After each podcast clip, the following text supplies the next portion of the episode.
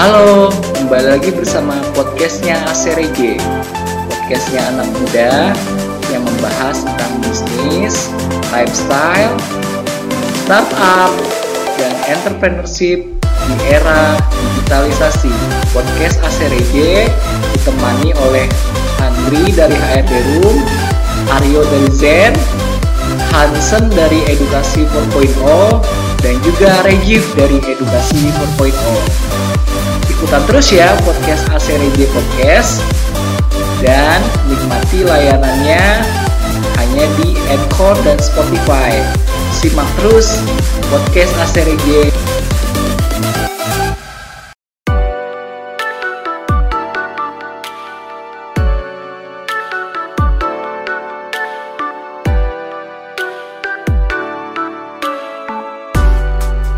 Halo, selamat malam. Jumpa lagi bersama kita dari podcast ACRJ bersama saya Aryo dan rekan saya.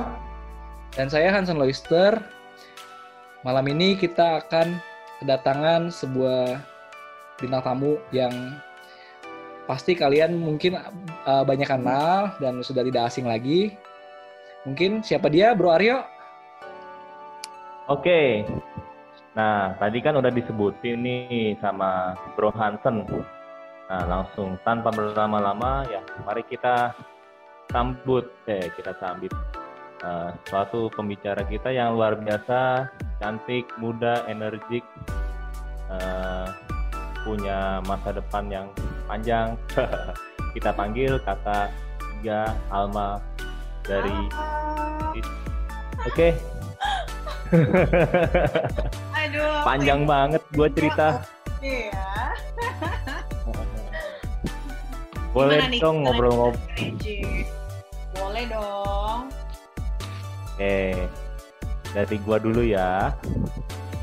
Nah, Boleh. mau tanya dong, aktivitas saat ini apa? Terus eh, brandnya atau labelnya sekarang itu eh, apa? Dan dua brand label terakhir ini apa? Sebelum kegiatan sekarang. Monggo silakan bercerita santai saja. Oke, ini pertanyaannya susah banget ya. Nggak usah disusah-susahin, gampang kok itu. Apa? Dua brand sebelumnya apa? Ya ampun. Dari mana ya ceritanya ya? Sekarang sih eh, kegiatannya tuh sibuk kerja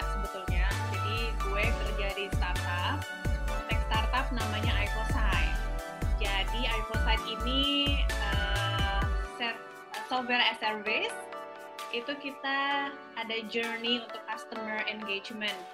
Jadi fokusnya memang ke customer engagement solution lah. Terus kita ada tiga platform, jadi benar-benar luas cakupannya dari digital listening tools, uh, terus omni-channel uh, customer service, terus sampai ke area engaging namanya socialization. Nah saat ini memang sibuk banget sih kerja di startup uh, cukup melelahkan tapi fun. Melelahkannya karena uh, kerjaannya wearing many uh, too many hats. Saya bisa jadi business development, bisa jadi tiba-tiba jadi marketing, bisa bisa jadi uh, operation, bisa tiba-tiba jadi support, bisa tiba-tiba jadi uh, client sukses. Jadi all over the place actually, but it's fun. Ya namanya juga startup, harus ready untuk wearing many hats. Nah selain itu kegiatannya karena ini covid, uh, tinggal di rumah, nggak ada kegiatan lain, nggak bisa wine-wine cantik sama teman-teman. Jadi weekend itu biasanya gue uh, sibukkan diri. Biasanya ada aja nih undangan untuk nge-host uh, pod, uh, nge-host ini sorry nge-host uh, webinar, terus bikin webinar sendiri juga, terus ada kegiatan coaching. Jadi sebenarnya sibuk banget sih, sampai nggak bisa nafas kadang-kadang. Ini malah bingung, sebelum covid malah nggak segininya banget sih, sekarang malah sibuk banget, tapi fun. I enjoy it a lot. Jadi buka laptop dari jam 7 pagi, tutupnya bisa jam 12 malam. Bayangin aja, itu mikirin konten, mikirin kerjaan, mikirin target, mikirin ini itu banyak deh. Terus tadi pertanyaan kedua, brand sebelum ini gitu. Hmm, apa ya? jadi sebenarnya gue itu ada company sendiri namanya Dots Aktivasi Indonesia. Jadi itu event organizer. Uh, masih sampai sekarang sebetulnya di year uh, sebenarnya gue itu ada international event uh, tapi gara-gara covid gagal nah sekarang juga masih jalan cuman ya gue nggak aktif banget. Jadi gue yang cariin klien gue langsung lempar ke tim. Gitu sih kalau dots. Nah sekarang juga ada lagi ngerjain namanya nine grow coaching. Nine grow coaching ini sebenarnya masih community bentuknya. Belum berupa iten, uh, apa belum berupa perusahaan atau apa pun. Ini gue lagi kerjasama dengan uh, senior-senior sebetulnya. Jadi mereka senior banget. Ada yang sudah second liver, means mereka sudah retired. Jadi uh, mereka juga lagi cari kegiatan, what to do gitu. Jadi kita menyibukkan diri, kita bikin program, uh, program coaching, program self assessment, uh, terus bikin modul-modul untuk kelas gitu. Nah nantinya sih rencananya cuman belum kebentuk banget. Ya berhubung mereka memang senior dan you know senior agak lebih berhati-hati kan geraknya jadi mungkin cukup lama ketimbang milenial seperti kita ini. Jadi ya ya gitu. Jadi sekarang masih pelan-pelan mencari jati diri. Terus Nah, selain itu juga ada uh, namanya community uh, Krida Dari. Nah, itu sibuk banget sih gue di situ dulu sebelum COVID. Ini sudah berupa yayasan, jadi gue salah satunya di situ. Jadi Krida Dari ini adalah uh, nantinya akan berupa uh, berupa platform. Uh, campuran ada e-commerce-nya, ada Airbnb-nya juga. Jadi sebenarnya untuk uh, apa ya untuk pengembangan daerah lah intinya. Tapi kita focusing on budaya. Karena budaya itu kan luas juga jadi nggak berupa baju aja nggak berupa makanan aja tapi kita juga pengembangan masyarakat di daerah.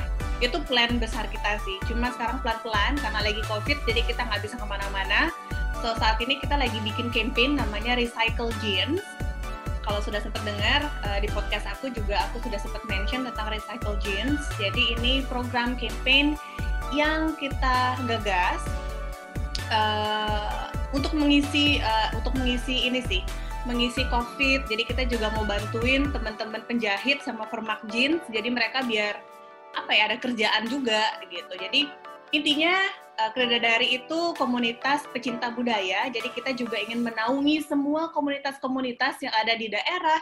Di Jakarta itu kan banyak banget ya, ada ribuan komunitas. Cuman kok nggak ada tempat jadi satu ya. Nah kita mau jadi platform itu sebetulnya. Masih di uh, apa namanya? Masih di uh, disettingkan seperti apa. Tadi juga tim juga sudah uh, ke Pemda Jakarta tadi sudah sempat uh, kita mau bikin campaign lagi Kamis Betawi.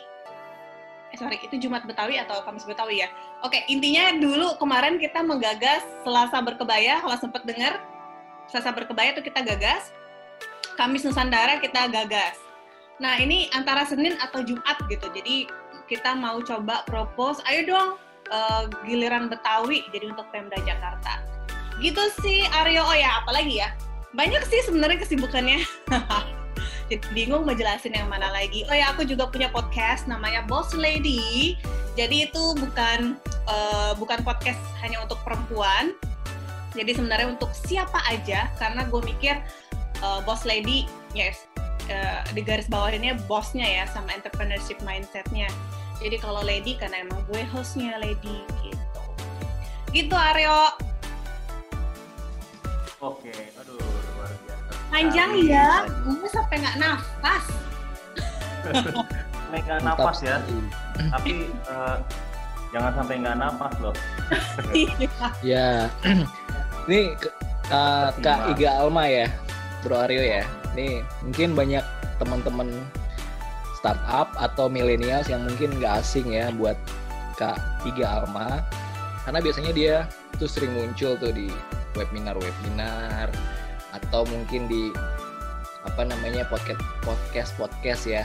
Nah, tadi menarik sekali Kak Iga Elma itu ikut uh, kerja di startup, kemudian dia punya side project, kemudian dia punya yang namanya komunitas gitu. Nah, kira-kira nih Kak Alma kenapa sampai akhirnya bekerja di startup lalu gimana sih Kalma ini bagi-bagi waktunya tuh dengan banyaknya kegiatan Kalma tadi yang cukup banyak. Boleh dong share ke teman-teman Asyirege, siapa tahu bisa menginspirasi. Cerita nggak ya? jadi, um, jadi kemarin karena sebenarnya aku di hire oleh seseorang, eh, seseorang, uh, investor, cie, investor si startup ini gitu untuk bantu di sana. So I'm happy to help karena aku juga pengen dapat pengalaman yang benar-benar terjun ke dalam startup uh, yang tech startup ya, yang benar-benar tech startup. Dan aku juga cari ilmunya lah yang pasti. Gimana sih di startup running gitu. Terus uh, tujuannya sih cari pengalaman aja ya, cari pengalaman, cari duit juga pastinya. Dan ini challenging banget dan I'm so happy uh, bisa masuk ke iPosite karena di sini banyak belajar juga A to Z tentang startup yang sesungguhnya gitu seperti apa. Uh, well startup yang sudah dapat investment ya. Terus uh, kalau yang lain kan belum tuh investment. Jadi ini udah geraknya udah enak lah, udah ada investmentnya. Jadi gue cuma mau lihat nih gimana sih sebuah startup operate ketika mereka sudah mendapatkan dana. Gitu.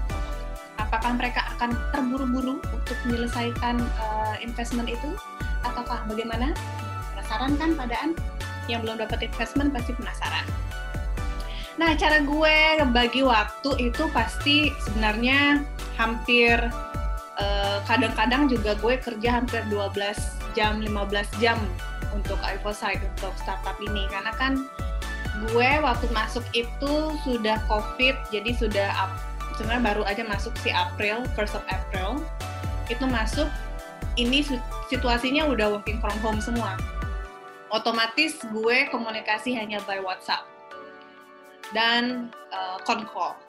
Jadi challenging banget. Jadi itu Z-nya ya gue mesti belajar sendiri kan. Gue mesti cari tahu sendiri yang ini pegang siapa, ini siapa ya, ini orang ini siapa ya gitu. Jadi gue mesti cari sendiri juga, cari tahu sendiri. Dan itu serunya sih. Plus gue rasa juga, I don't know ya, kata mereka sih yang sudah lama di sana, uh, COVID dan working from home malah bikin jadi lebih efektif sebetulnya. Gitu. Terus ya membagi waktunya ya ya bagi waktu aja sadar diri ya. Maksudnya uh, lo as a person lo jadi karyawan lo sudah sign up as a ya sudah jadi karyawan sebuah perusahaan ya lo harus kerjain dengan sebaik-baiknya. Jadi lo jangan bagi-bagi waktu. Pada saat harusnya kerja lo ngerjain kerjaan kantor lo jangan ngerjain kerjaan side hustle lo gitu jadi uh, back to personal uh, masing-masing sih ya. Nah kalau gue sih bagi waktunya kalau gue sempet dan lagi nggak ada kerjaan, maksudnya kerjaannya nggak benar-benar numpuk, ya gue bisa lah untuk ngisi webinar dan biasanya juga webinar gue mintanya pasti after working hour kayak jam 7 malam itu kan gue udah bebas tugas dong Nah selanjutnya kalau memang habis dari webinar ternyata masih ada banyak kerjaan ya gue lanjut lagi kerja sampai jam 11-12 biasanya. Terus kalau weekend, kadang juga weekend kan namanya juga SAS, pasti kan ada uh, tim untuk support. Nah biasanya kan mungkin ada kendala atau apa dari klien gitu kan. Jadi yang mesti dijawab juga in the weekend. Jadi kadang-kadang weekend juga kerja. Nah, yang namanya juga startup ya. Ya weekend pastinya gue sibukin diri itu dengan kegiatan yang lain ya kayak tadi coaching. Karena uh, gue kan masih sendiri ini masih single jadi masih bebas banget waktunya nggak kayak yang lain. Kalau tim yang lain mungkin mereka sudah punya keluarga jadi habis kerja jam 5 jam 6 ya mereka harus dengan family dong. Nah kalau gue kan gue nggak ada siapa-siapa bo di rumah ya sudah. Gue kerja gue bikin gue menyibukkan diri untuk kerja juga. Kalau mau keluar juga mau ke mana ya bo? Lagi begini. Gitu kak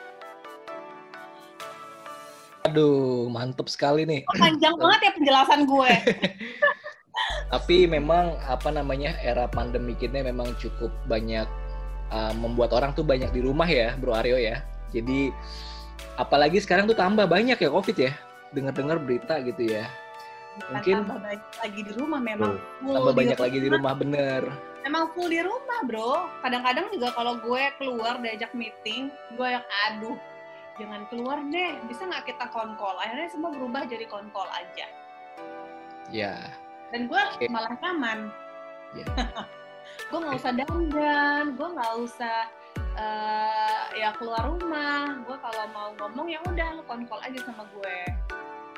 Itu lebih lebih safety ya lebih aman lah ya. Ketimbang kita mesti berpapasan dengan atau bertemu dengan orang langsung ya.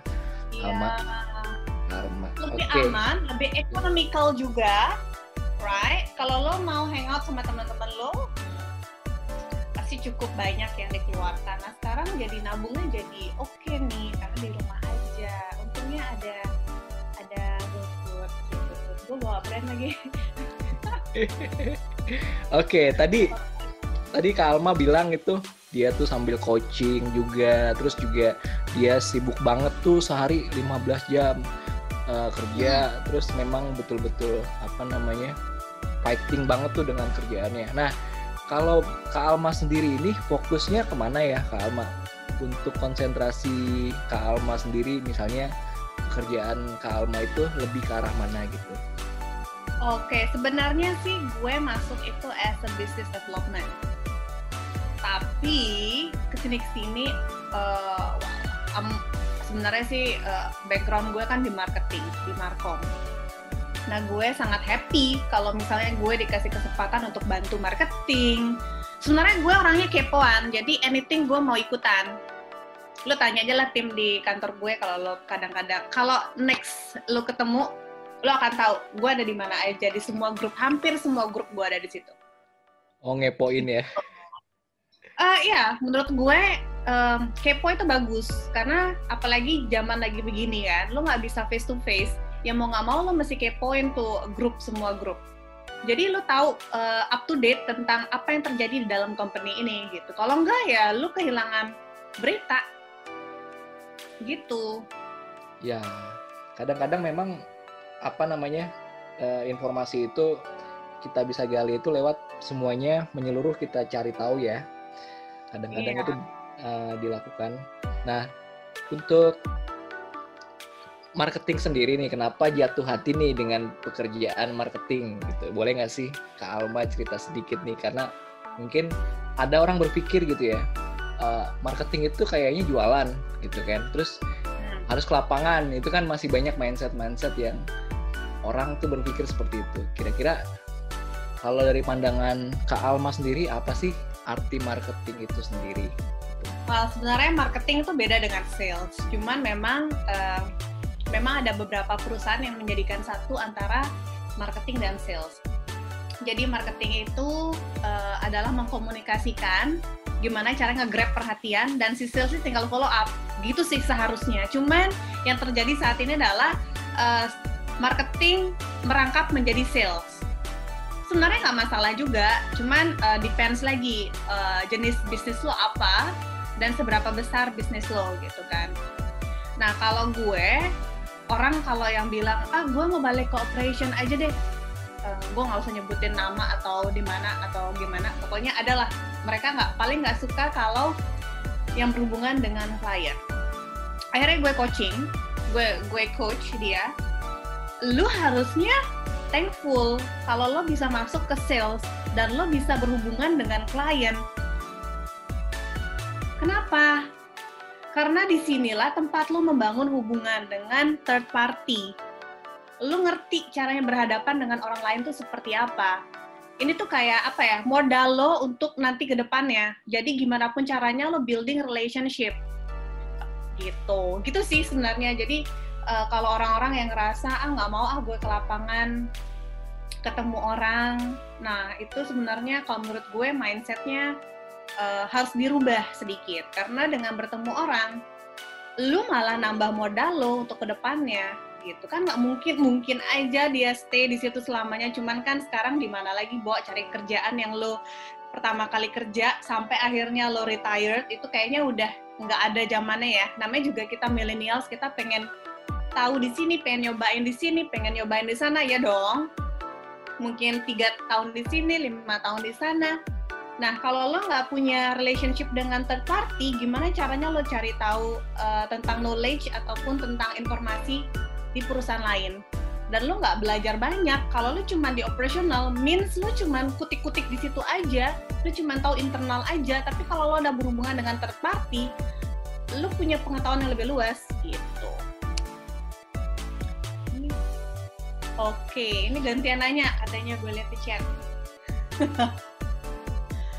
Pokoknya intinya Ya. gue jatuh cinta dengan marketing karena marketing itu sebenarnya seru banget kerjaannya. Jadi kalau mis- misalnya gue bisa bedain ya gue bisa pisahin antara marketing dan sales marketing ini seru banget kerjaannya karena kita kan testing terus. Nah marketing kan ada di bagian copywriting di bagian design terus bagian bikin strategi. Nah ini seru banget karena kita kan testing apalagi digital kayak gini kita testing terus konten yang mana sih yang akhirnya nge-grab perhatian orang sampai funnel kita pikirin sampai uh, komunikasi uh, re-engaging engaging dengan customer tuh kita pikirin dari awal sampai akhir. Misalnya untuk yang cold market uh, komunikasi seperti apa?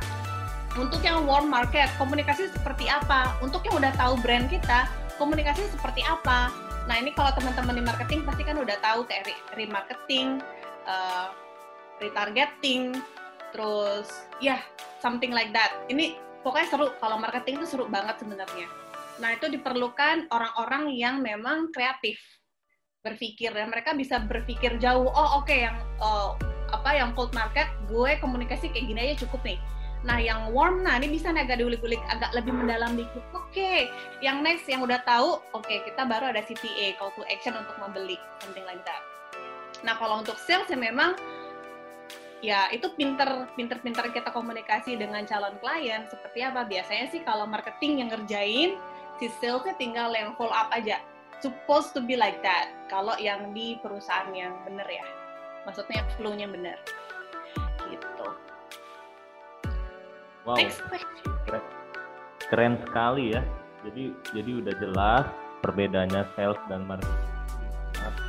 Kadang kan eh, teman-teman di luar sana membedakan, oh eh, bingung ya, membedakan antara sales atau marketing atau development atau account eksekutif atau apalah whatever lah ya sebutannya tergantung masing-masing company. Nah, eh, aku mau sedikit flashback nih. Tadi kan ngomong-ngomong soal kepo mengkepo nih, ya Eh, aku juga barusan mengkepoin juga nih profilnya Kak Alma.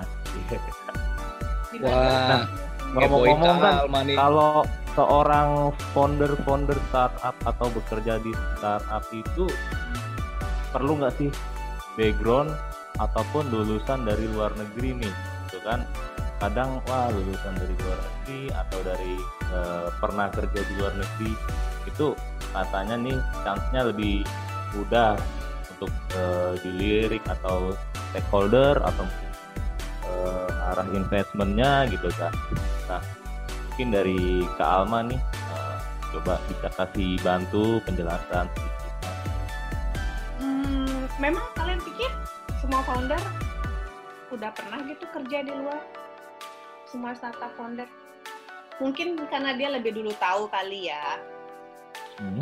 Nggak ada hubungannya tentang dia harus lulusan luar negeri atau memang pernah ada pengalaman kerja di luar negeri. Nah, mungkin karena mereka kerja di luar negeri atau pernah sekolah di luar negeri, mereka akhirnya punya expose ke, ke knowledge yang lebih gitu kan. Jadi dia bisa ngelihat potensi Indonesia. Ya nggak sih? Kalau menurut gue sih nggak harus ya founder, eh, CEO, founder startup itu harus lulusan luar negeri. Enggak sih, yang penting dia bisa menyelesaikan sebuah permasalahan dan ternyata eh, permasalahan itu ada marketnya dan bisa di monetize. Gitu sih. Gua lulusan luar Jakarta, Bro. Bogor. Gua tinggal di luar Siap. Jakarta tapi lulusan Jakarta. Iya. Lanjut, Bro Aryo, silakan. Gitu sih Bro Aryo. Jadi nggak harus lulusan luar negeri, nggak boleh minder, nggak boleh apa. Sama-sama pinter kok kita. Mereka cuma Oke. bisa bahasa Inggrisnya aja mungkin. Oh iya, siap, siap, siap, siap. Eh, ngomong-ngomong nih, hmm, plan ke depan nih apa nih? Tadi kan sudah punya beberapa company. ada ada yang IO, ada yang lebih ke mentoring, coaching, atau mungkin lebih ke uh, apa tuh uh, konten untuk marketing. Nah, ada dari beberapa itu untuk ngelihat ke depannya nih dari sisi ke Alma nih kan seorang pelaku pendiri atau pelaku pelaku juga mana nih kira-kira yang mempunyai visi atau lebih lebih lebih bisa sustainable ke depan nih dari dari beberapa yang brand yang sempat disebutin tadi satu persatu. Aku sih ngelihat sih beberapa sih oh, cukup oke okay nih kan. Aku sempat ngintip juga ada websitenya juga, ada ada portofolionya. Nah kalau dari segi Kak Alma sendiri nih apa nih hmm, mau yang mau dieksposurkan atau mungkin visinya siapa nanti apakah semuanya mau dijalanin satu-satu gitu? Ah, oke. Okay. Gue jawabnya dari mana ya? Ini depends sih, Kak. Sebenarnya depends. Kalau sekarang sih uh, fokus gue, objektif gue adalah membesarkan iPosite. Karena kan sekarang gue bawa bendera itu, karena gue sekarang karyawan di sana, plus gue hired by the investors actually. Ya, uh, ya kurang lebih begitulah. Uh, dan gue, objektif gue ya gue mau besarin di sini juga gue sekalian belajar A to Z-nya. Nah, untuk yang lain, ini kan memang sudah ada timnya, jadi gue nggak harus ada di situ sebetulnya. Gitu. Dan kalau gue ngeliat potensi, ya tergantung lagi sih.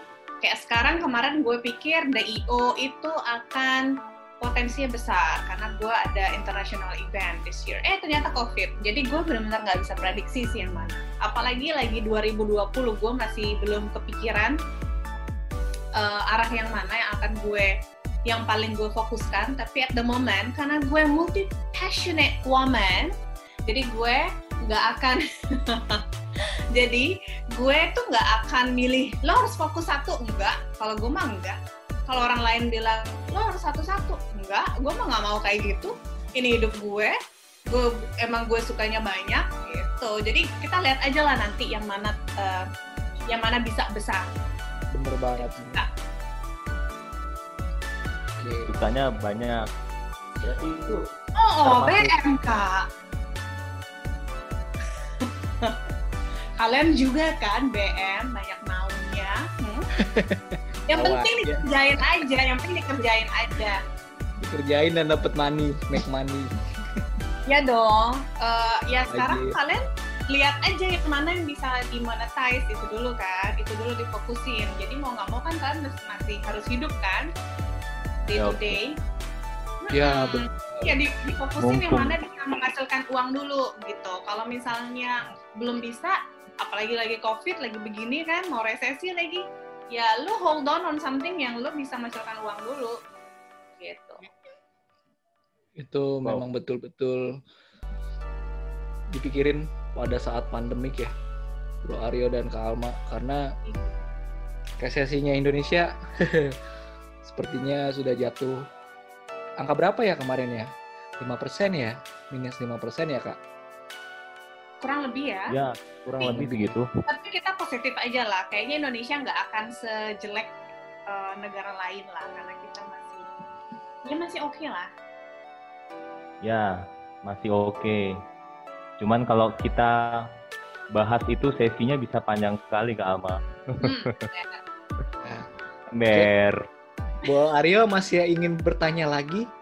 Atau mau gantian? Boleh, diganti dulu sebentar. Kalian tuh kaku oh, banget sih, Say. Gak kaku banget ya? Nih, biar nggak kaku nih.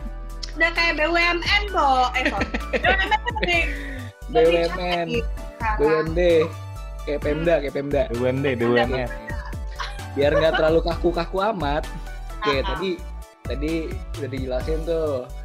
Yang pertama pekerjaannya, terus juga apa yang dikerjain nih terus juga Kak Alma fokus ke depannya.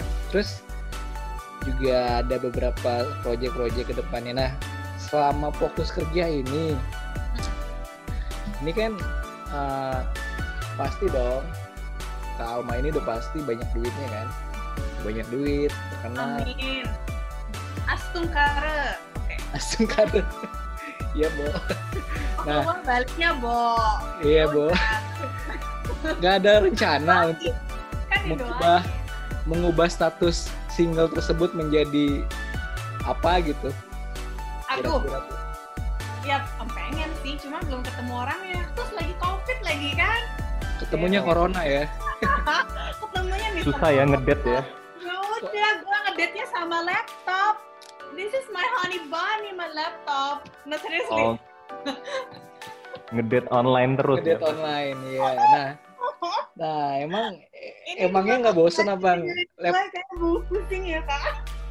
laptopnya tiap hari dipegangin terus kasihan tuh laptop cium-cium kak. Tiap hari gue pegang-pegangin. Laptopnya itu boyfriend. Stres dia. Oke lanjut. oke nah untuk pertanyaan kedua kira-kira ada nggak sih Ini udah minatnya pertanyaan keempat bro. udah keempat ya Udah yang ke 10 bro. oh iya lupa iya bo Oke. Oke. Ada rencana nggak sih bikin startup yang betul-betul memang pengen difokusin gitu? Misalnya, misalnya gini, ah, udah deh eh, dengan semua yang udah dijalanin ternyata eh, punya mimpi satu startup atau mungkin eh, satu usaha yang nantinya pengen diminati ke depan. Gitu.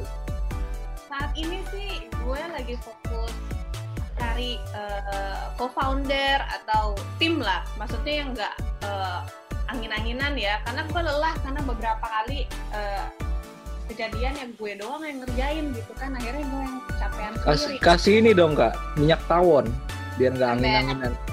Ah, Iya angin-anginan. Terus kesannya gue yang udah eh, all out, eh, merekanya yang setengah-setengah gitu. Jadi ya gue lagi nyari yang eh, sama lah. Oke. Artinya kitnya sama, terus memang visinya sama seperti apa, terus pembagian tugas dan kerjanya juga kita uh, sama gitu. Kalau gue orangnya nggak masalah, gue bisa jumping all around, gue bisa orangnya benar-benar handy. Kalau lo pernah kerja sama gue, lo akan tahu gue orangnya sangat handy. Gue senang bantuin orang. Gue senang juga, oh kayak kayak gitu. Gue juga senang kayak ngasih input. Eh kayaknya ini bagus deh, gimana menurut lo gitu. Jadi sebenarnya nggak tahu juga ya. Maksudnya selama ini sih gue belum ketemu yang tim yang speednya sama sama gue. Jadi itu kadang-kadang frustrated banget. Eh, jadi ya gue mungkin hati-hati sih. Jadi gue mau cari orang yang memang speednya sama sama gue dan visi dan tujuannya sama. Itu sih. Kalau nggak lelah say, lelah. Ya, Kalau nggak mending kerjaan sendiri deh say. Beneran deh. bener banget. Mm. Lelah Barbie. Kadang Ember. kan Lelah gini ya. Hayati. Lelah Eh. caki. Lelah caki. Lelah, Bo. nah, kadang-kadang kan gini ya, di startup sendiri kan nggak ada yang namanya patokan kerja. Artinya kadang-kadang tuh founder startup tuh kita punya se- seperti OKR atau mungkin agile gitu kan atau mungkin scrum gitu. Kadang-kadang kan itu kan cuman alat bantu tapi sebetulnya yang terjadi itu semuanya hal dikerjain gitu. Nah, kadang-kadang juga ada tekanan yang mungkin dirasa sama teman-teman founder gitu kan. Nah, kira-kira pernah nggak sih Kak Alma itu eh, ngerasain yang namanya ini kerja kok begini amat, nggak ada strukturnya, terus juga artinya tekanan banget gitu. Nah, kira-kira gimana tuh Kak Alma? Hmm, selama ini sih belum belum sih ya. Selama ini belum ada sih. Belum ada yang kayak gitu sih. Yang benar-benar tekanan banget sih nggak ada. Tapi yang memang ngerasa, ayo dong, ayo dong gitu, iya ada. Gitu. Oke. Berarti kalau nggak ada tekanan, selamat Anda menjadi founder startup karena founder startup itu harus happy. Iya. Kok kenapa harus happy? harus happy. Iya benar, harus happy Ya. dan harus ngomongin. Amin kalau udah punya tim, diemongin lah timnya. Jangan terlalu ngambil jarak gitu. Walaupun ya, kok gue jadi ngasih saran ya. Iya maksudnya jangan ngasih, eh, jangan eh, jangan ada jarak dan maksudnya untuk ngasih tahu tim juga you're not working for me, but you're working with me. Itu yang harus Hmm. Karena kalau nggak lo langsung kehilangan trust eh, tim lo, lo mesti ganti lagi. Wah, kalau startup banyak ganti tim udah ada sakit kepala lo. Oke. Karena Nah, kan ya silakan. speednya kenceng, kenceng banget. Lo mesti bener-bener bergerak kenceng tiap hari. Lo udah nggak bisa mikirin lagi yang apalah gitu ya. Kadang-kadang ya emang jadi em, ya emang ruwet. Tapi yang penting lo udah tahu yang mana yang urgent, yang mana yang bener-bener lo kerjain duluan. Lo harus tahu itu sih sebelum Oke. ngambil responsibility yang lain. Itu Bro Aryo mau nanya? kapan, Kak Alma? Ya. Kenapa? Kira-kira tuh kejadiannya kapan? Sebelum atau pas lagi COVID tuh eh, apa? Co-foundernya pada ngilang-ngilang, ngabur gitu kan? Atau gimana? Karena Oh sebelum ini, iya, gimana gimana? Ngabur. Kenapa bro ngabur bro? gimana gimana? Lo lanjutin dulu. Tadi kalimatnya gimana? Lanjut dulu, lanjut dulu. Iya, itu kejadiannya kapan maksudnya? Sebelum atau pas lagi COVID ya? Kan ah sebelum COVID mungkin orang semangat semangat semangat. eh pas lagi COVID kan jadi jarang ketemu nih atau eh, susah komunikasinya. Ya akhirnya ya ujung-ujungnya lu lagi lu lagi yang ngerjain akhirnya menyalahkan keadaan akhirnya bubar gitu kan pengen apa-apa gimana itu sebelum atau pas Dia lagi lagi curhat ya. Ini lagi Pertanyaannya dia adalah mencerminkan permasalahannya dia betul. Oh iya dong, oh iya jelas. tahu aja, tahu aja. Parah. Enggak, kalau gue itu pengalamannya malah sebelum COVID. Oh sebelum ya? Belum, malah sebelum COVID. Ya kalau sekarang ya udah. Eh, ya udah gitu aja. Kan sekarang gue kerja, jadi sibuknya gue kerja aja. Kerja sama orang. Gue kerja untuk mimpi orang, tapi enggak sih jadi mimpi gue juga. Menyenangkan juga nih membesarkan startup. Maksudnya seru, seru banget gitu. It's something seru, worth it banget lah. Sabar ya bro Aryo. Kenapa? Memang begitu bro. Oh ya biasa lah. No Oh, hard feeling. No hard Jadi feeling. Aryo, Aryo ngerasa kerja sendiri sebenarnya ya. Enggak sih. Dulu pernah, tapi sebelum COVID. Oke. Oke. Nah, halo bro Aryo. Ya halo. Sebelum COVID ya kemarin ya. Nah, ini kan eh, nggak banyak ya Kak Alma di Indonesia ini leader seorang perempuan gitu. Apalagi wanita karir yang memang artinya memimpin salah satu perusahaan dan juga dia punya potensi yang cukup besar nih. Kayaknya kalau bisa dihitung pakai jari mungkin bisa ya di Indonesia itu yang kartini kartinya Indonesia gitu. Nah, nah kebanyakan kan pasti nih beda nih cara kepemimpinannya seorang laki-laki dan seorang perempuan. Kalau dari background Alm- seorang Alma sendiri gimana sih cara eh, memperlihatkan kepemimpinannya kepada anak buahnya gitu? Oke, jadi how if maksudnya leadership ini gue ya. Ya leadershipnya. Kalau gue, kalau kemarin ikut kelasnya Im- Impactpreneur dengan Pak Firja, kalau gue gue bisa bilang situational, ya, situ- situational uh, leader. Kalau gue anaknya. Gitu. Kalau lo nggak kan berarti lo nggak tahu. Jadi dan gue juga orangnya uh, pendekatannya more like coaching sebetulnya. Jadi apa ya? Ya situ- situational uh, leader.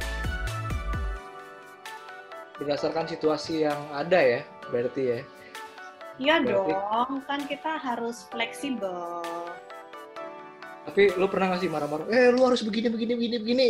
Lu harus Oh. begini, begini, begini. Yang bikin Kalau orang jadi, oh, Oh. serem banget nih. Oh, enggak enggak. Kalau tegas iya, tegas. Misalnya kayak situational yang kemarin uh, sempat dicontohin gitu kan. Gue udah kasih Iya. tahu uh, A B C D gitu dan dia bilang mengerti. Oh, ternyata nggak dikerjain. ya pasti gue dudukin dong one on one. Oh ini kenapa nggak jadi ya gitu. Oh karena kan nggak bisa begitu. Menurut kamu gimana kalau seandainya aku begitu? Jadi aku balikin. Gitu. Jadi nggak Oke. pernah yang harus harus gini loh. Enggak lah itu kan eh, dan gue orangnya juga bukan micromanage kecuali gue tahu dia bukan di tempat yang maksudnya em, eh, apa ya eh, skill knowledge-nya belum nyampe sana ya gue akan arahkan. Jadi habis ini ini ya habis ini ini. Udah ngerti belum? Udah. Belum. kalau misalnya dia bilang belum oke gue kasih contohnya dulu. Tapi kalau misalnya bilang ngerti udah gue bilang bener ya make sure ya. Tapi kalau lo ada pertanyaan lu jangan sungkan-sungkan ngomong sama gue. Karena sekali lo nggak ngomong sama gue kita miscommunication berantakan jadi mendingan lu ngomong sama gue lu jangan ngerasa gue kayak bos lo di sini kita working together. Gitu.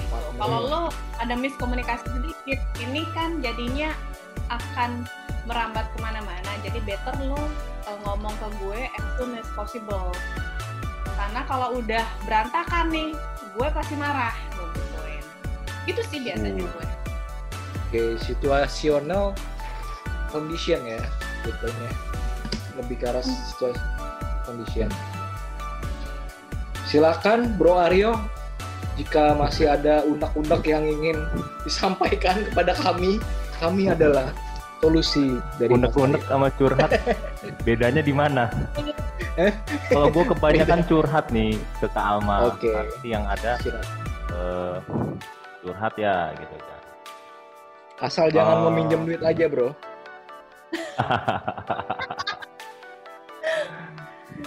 Dalam bentuk saham lah pinjam duitnya. Oke. Equity ya.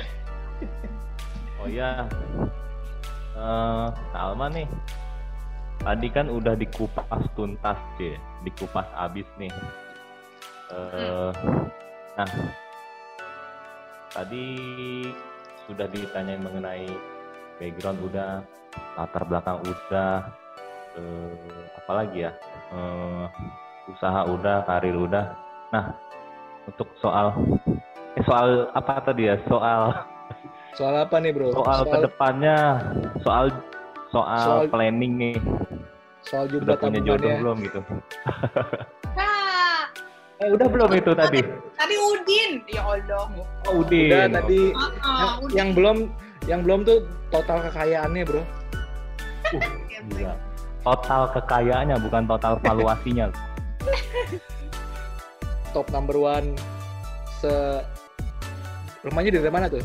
Misalnya se Bekasi atau se Jakarta itu top number one. yang pasti bukan di pinggiran Jakarta bro Oke. Atau di Bali ya, top number one Bali. Wo- ini woman trainer under under berapa nih nggak tahu nih saya under Iya. berapa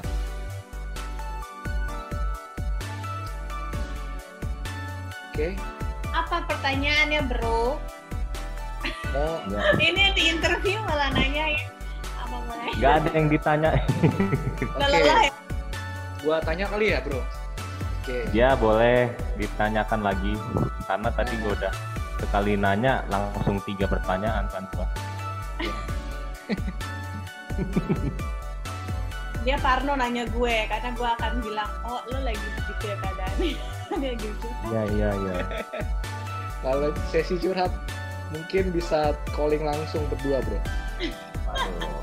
Asal jangan minjem duit aja, Bro. Ujung-ujungnya Waduh. gue butuh dana nih, sekian sekian sekian. Ini kedengeran senasional, Bro. Oh, kita kan lagi nge-podcast ala-ala, Bro.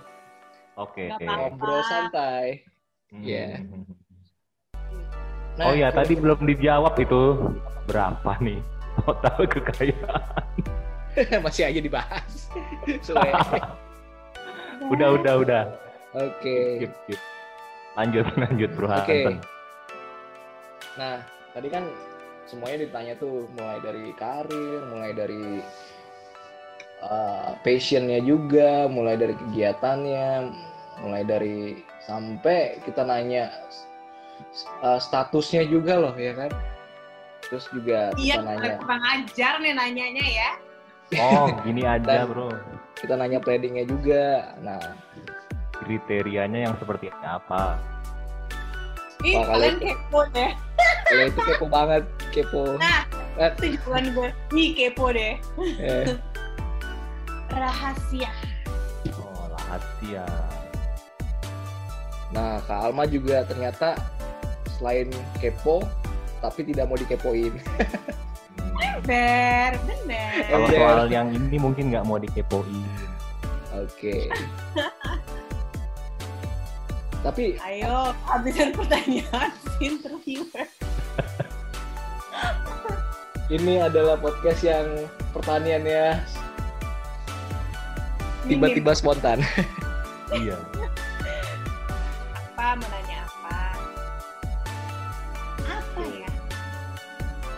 Gue mikir Eh, Oke. udah semua sih pertanyaannya mungkin. Ya harapannya sih ke depan Kak Alma pasti kan mencari sesuatu yang lebih entah dari eh, mau kerjasama, entah mau eh, berkarir atau mungkin mau bikin startup atau mungkin ya entah mencari jodoh. Nah itu kan kita belum tahu, tapi Kita sama-sama mendoakan. Iya, sa- sama-sama saling support. Iya, doakan saya ya, segera ya, Say. Wah, Amin. Supaya sama seperti kita sudah berkeluarga. Ya kan enak ya, jadi ada kerjaan kan, nggak kayak gue 15 jam kerja. Ya nggak? Oh iya, tadi ditanya daerah mana sih tinggalnya? Ih, kalian kepo deh. Kan Gue gue ya yang nanya, Aryo yang nanya. Aryo yang nanya. Daripada nanya total Gue- kekayaan kan? Gue Tapi yang- Jaksel. Oh, Jack Jacksel ya, Jacksel. Jacksel. Betul. Which is latarnya Jakarta. Oke. Berarti I know, I know, I see. selama apa namanya eh, coaching ya, Mm-mm. Alma ini kan suka coaching juga. Di mana aja sih biasanya coaching seorang Alma gitu. Bisa kita temukan di mana aja gitu. Misalnya di platform ini atau di event apa dan fokusly biasanya coachingnya memang untuk apa gitu, impactnya gitu. Oke, kalau coaching macam-macam sih, eventnya macam-macam. Ada yang eh, untuk anak kuliahan, untuk anak SM, SMA, SMK. Eh, mix up sih sebenarnya. Jadi untuk eh, bisnis juga UMKM biasanya. Eh, lebih banyak sih online ya sekarang ya.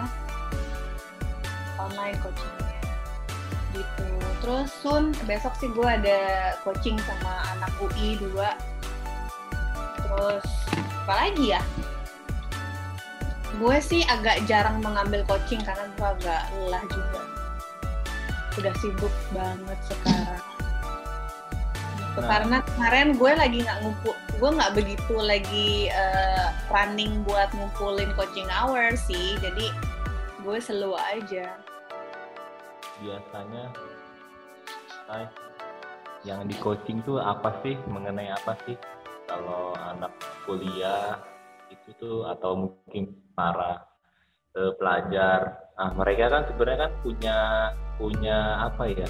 Ada kayak dulu tuh namanya guru BP atau eh, mungkin entah eh, gurunya sendiri itu coaching. Nah kalau Guru apa Alma nih? Guru singa? kan Dari dari eksternal coaching.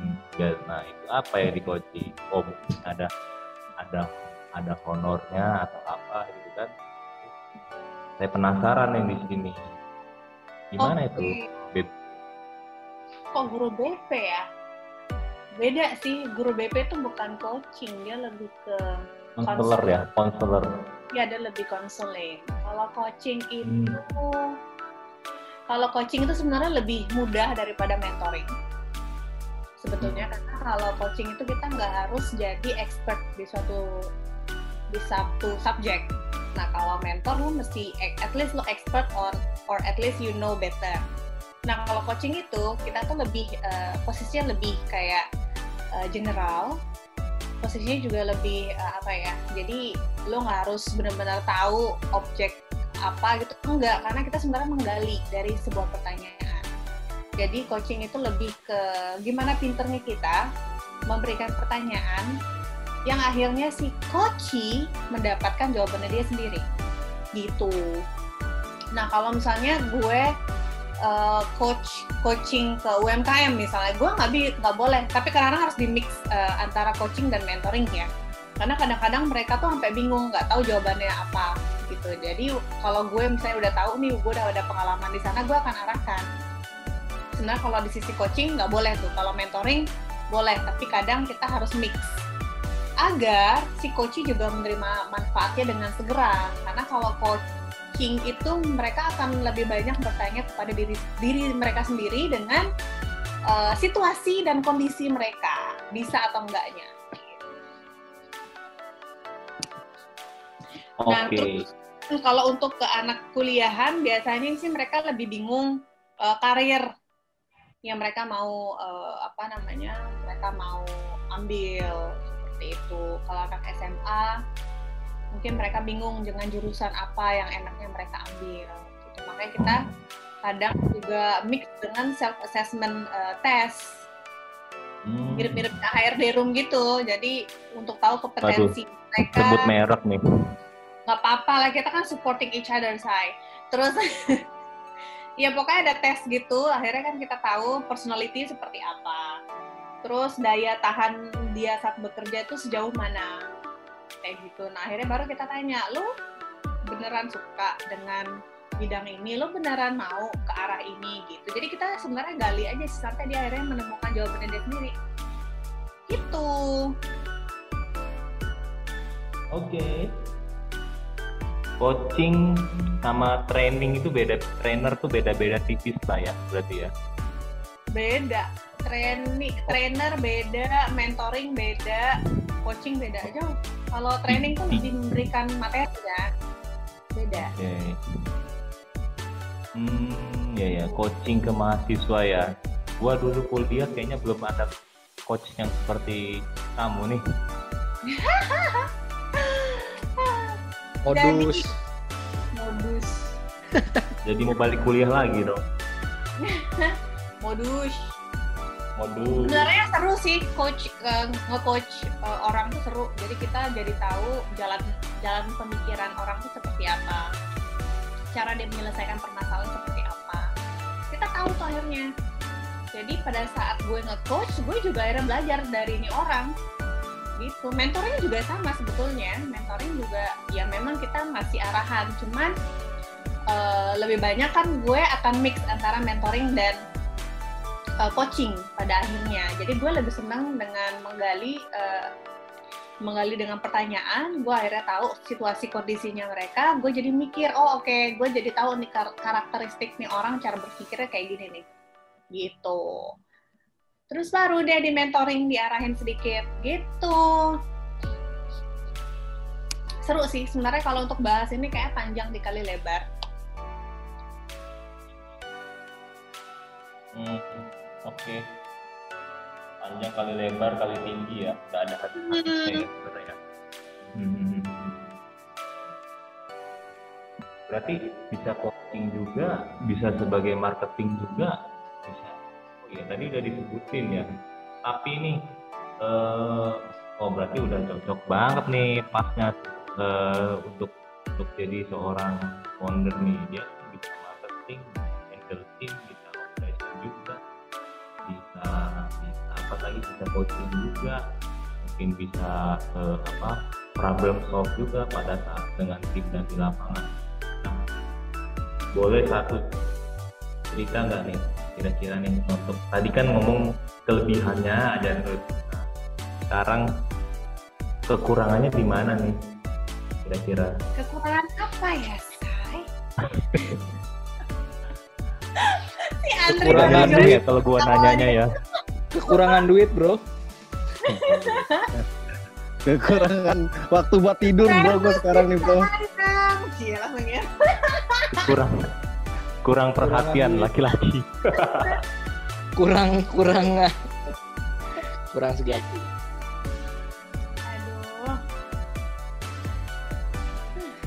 gimana gimana?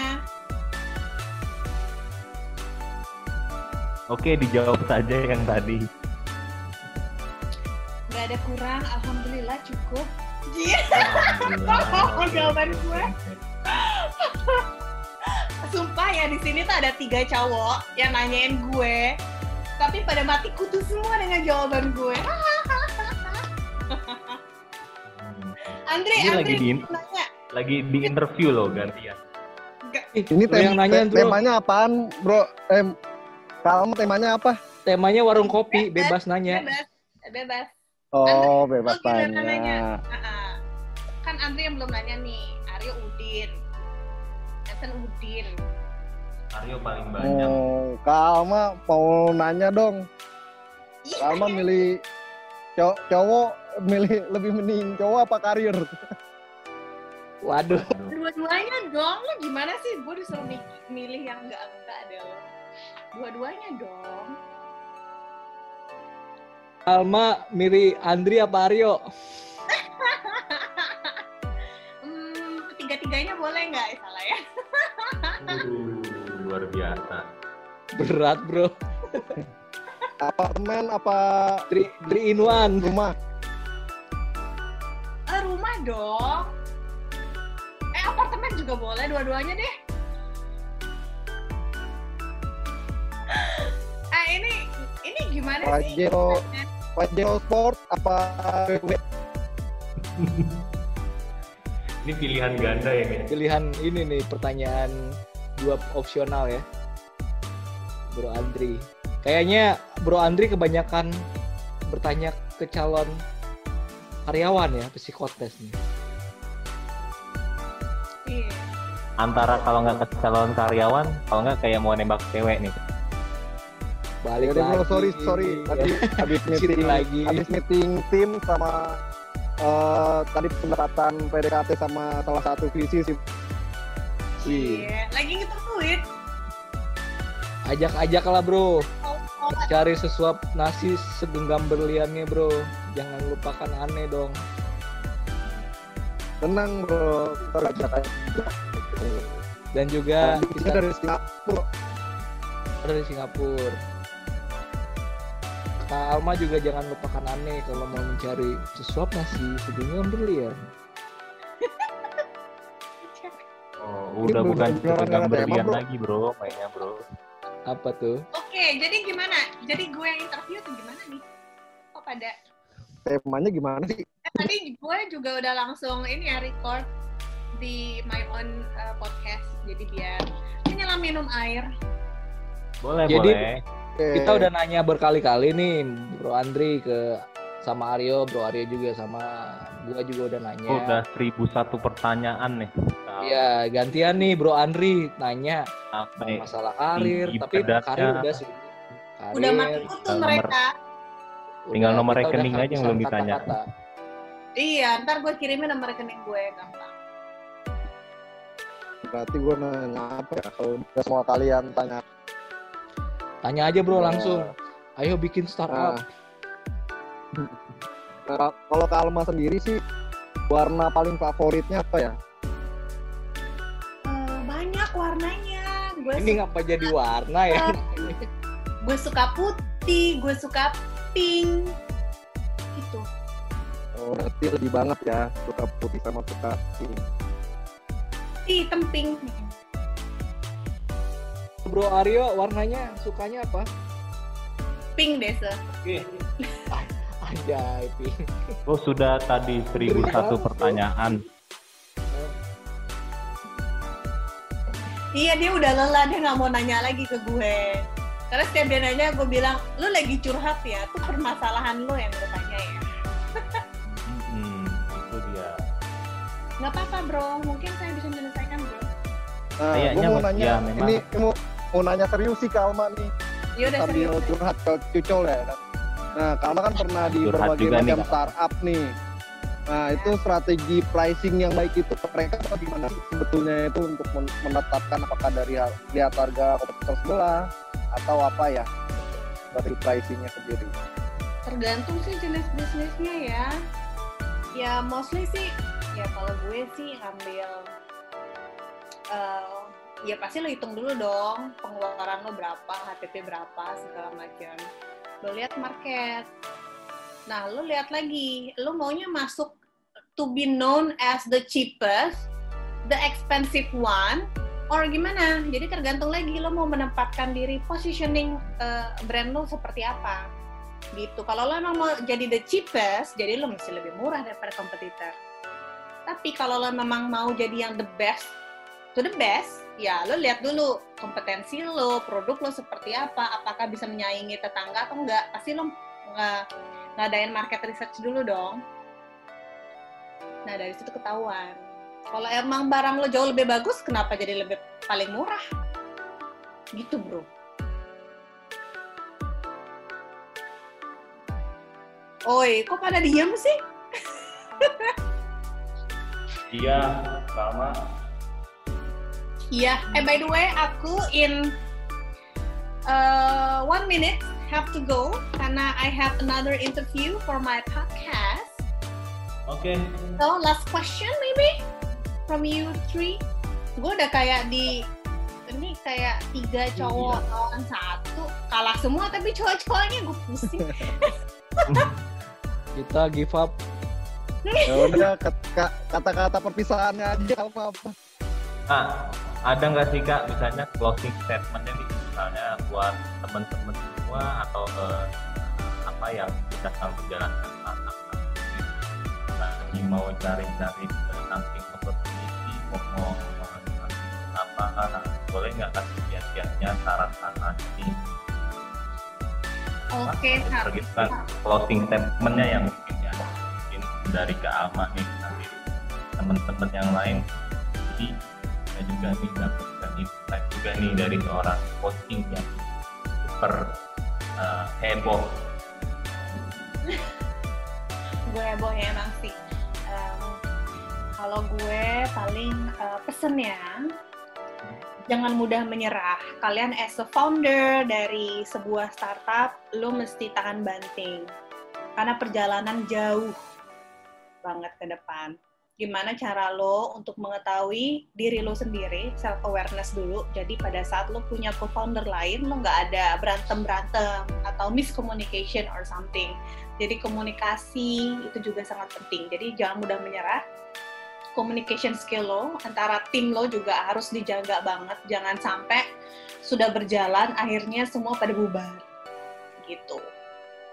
Terus untuk mencari opportunity, ya lo mesti eh, inilah lo mesti rajin-rajin untuk melihat market, ngelihat eh, apa namanya, ngelihat hasil research itu kan banyak banget kan.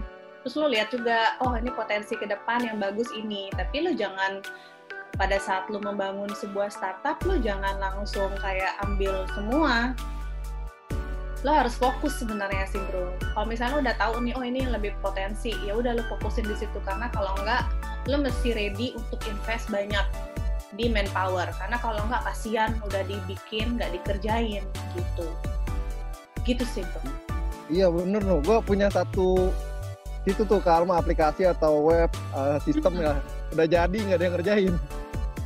iya mesti ready kan manpowernya yang Ya ngerjain. masih ready, bener bener bener. Karena eh, akan ya kita lihat mail- ini juga sih kita ngerjain apa udah selesai baru kerjain yang lain yang lain itu salah nggak sih Karma?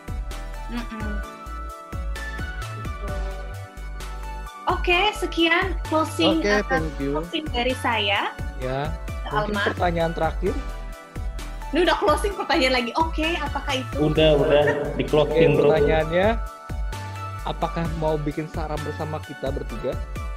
Oh, tergantung. Saya harus coaching kalian dulu. Kita harus ada sesi one on one dulu karena uh, harus Kayak nakama ya? Iya dong, harus harus harus ada sesi one on one dulu. Kita harus tahu visi ke depan seperti apa, keadaan kalian semua seperti apa saat ini. Keadaan gue juga saat ini seperti apa. Jadi harus terbuka. Jadi biar tahu apa namanya.